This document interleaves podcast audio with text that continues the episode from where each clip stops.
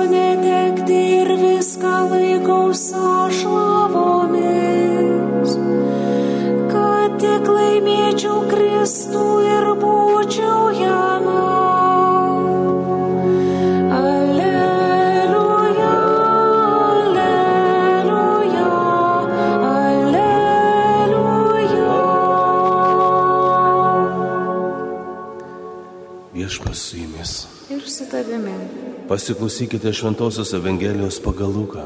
Garbė tau viešpatie. Jėzus su mokiniais einant keliu, vienas žmogus Jėzui pasakė, aš seksiu paskui tave, kur tik tu eitum. Jėzus atsakė, lapės turi urvus, padangius sparnuočiai lizdus, o žmogaus sunus neturi kur galvos priglausti. Kitam žmogui jis pasakė, sek paskui mane. Tas atsakė, viešpatė, leis man pirmiau pareiti tėvo palaidoti. Jėzus atsiliepė, palik mirusiam laidoti savo numirėlius, o tu eik ir sek Dievo karalystę. Dar vienas tarė, aš seksiu paskui tave, viešpatė, bet leis man pirmiau atsisveikinti su namiškiais. Jėzus jam pasakė, ne vienas, kuris prideda ranką prie arklo ir žvalgos atgal, netinka Dievo karalystiai. Girdėjote viešpatė žodį, šlovė tau, Kristau. Brangieji šiandienos Evangelija kviečia mus aiškiai ir atkakliai apmastyti pagrindinį mūsų tikėjimo dalyką.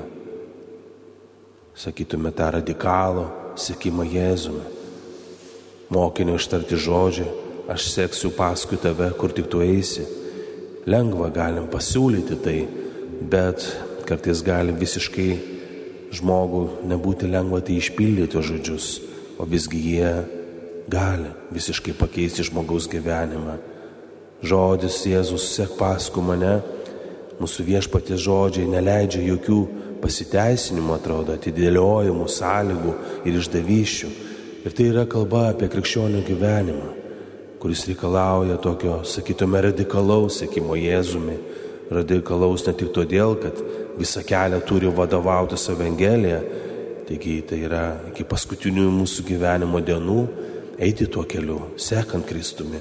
Bet svarbiausia todėl, kad visi jo aspektai gyvenimo, nuo pačių nepaprasčiausių iki paprasčiausių, nori ir turi būti mūsų įkvėpiančios Jėzus Kristaus dvasios apraiška.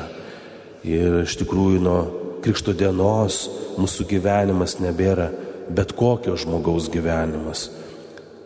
Tai yra iš tikrųjų gyvenimas savo kūne mes nešiojame Kristaus gyvenimą dėl šventosios dvasios, kuri buvo įskiepita mūsų širdise per krikštą. Gyvename nebe mes, bet Jėzus Kristus, kuris gyvename mumise. Štai yra toks krikščionio gyvenimas ir jis yra pilnas Kristaus gyvenimas ir jis kleidžia Kristų ir giliausiai jo šaknų, koks yra gyvenimas, kurį esame pašaukti gyventi. Ir daugelis žmonių atsiliepia į tą kvietimą, kaip ir turime pavyzdį šiandieną mininti šventai Pranciško Sižietį, kuris išgirdo šios žodžius galėtume sakyti, sekti paskui Kristų. Ištarti žodžiai, aš ryžusi visko netekti ir viską laikau su ašlomis, kad tik laimėčiau Kristų ir būčiau jame. Iš tikrųjų, jis kaip viešpas atėjo šį pasaulį, žmonija turėjo savo vietą, bet viešpas, kaip žinom, jos neturėjo, užgimsta neturte, betlėjuje, jis neturi kur eiti tarp žmonių, bet į tvartą tarp gyvulių, žvėrių, nekaltesnių bei gausesnių žmogų. Ir kodėl jis sako, lapės turi urvus, padangio paukščių lizdus, o žmogaus nus neturi kur galvos priglausti.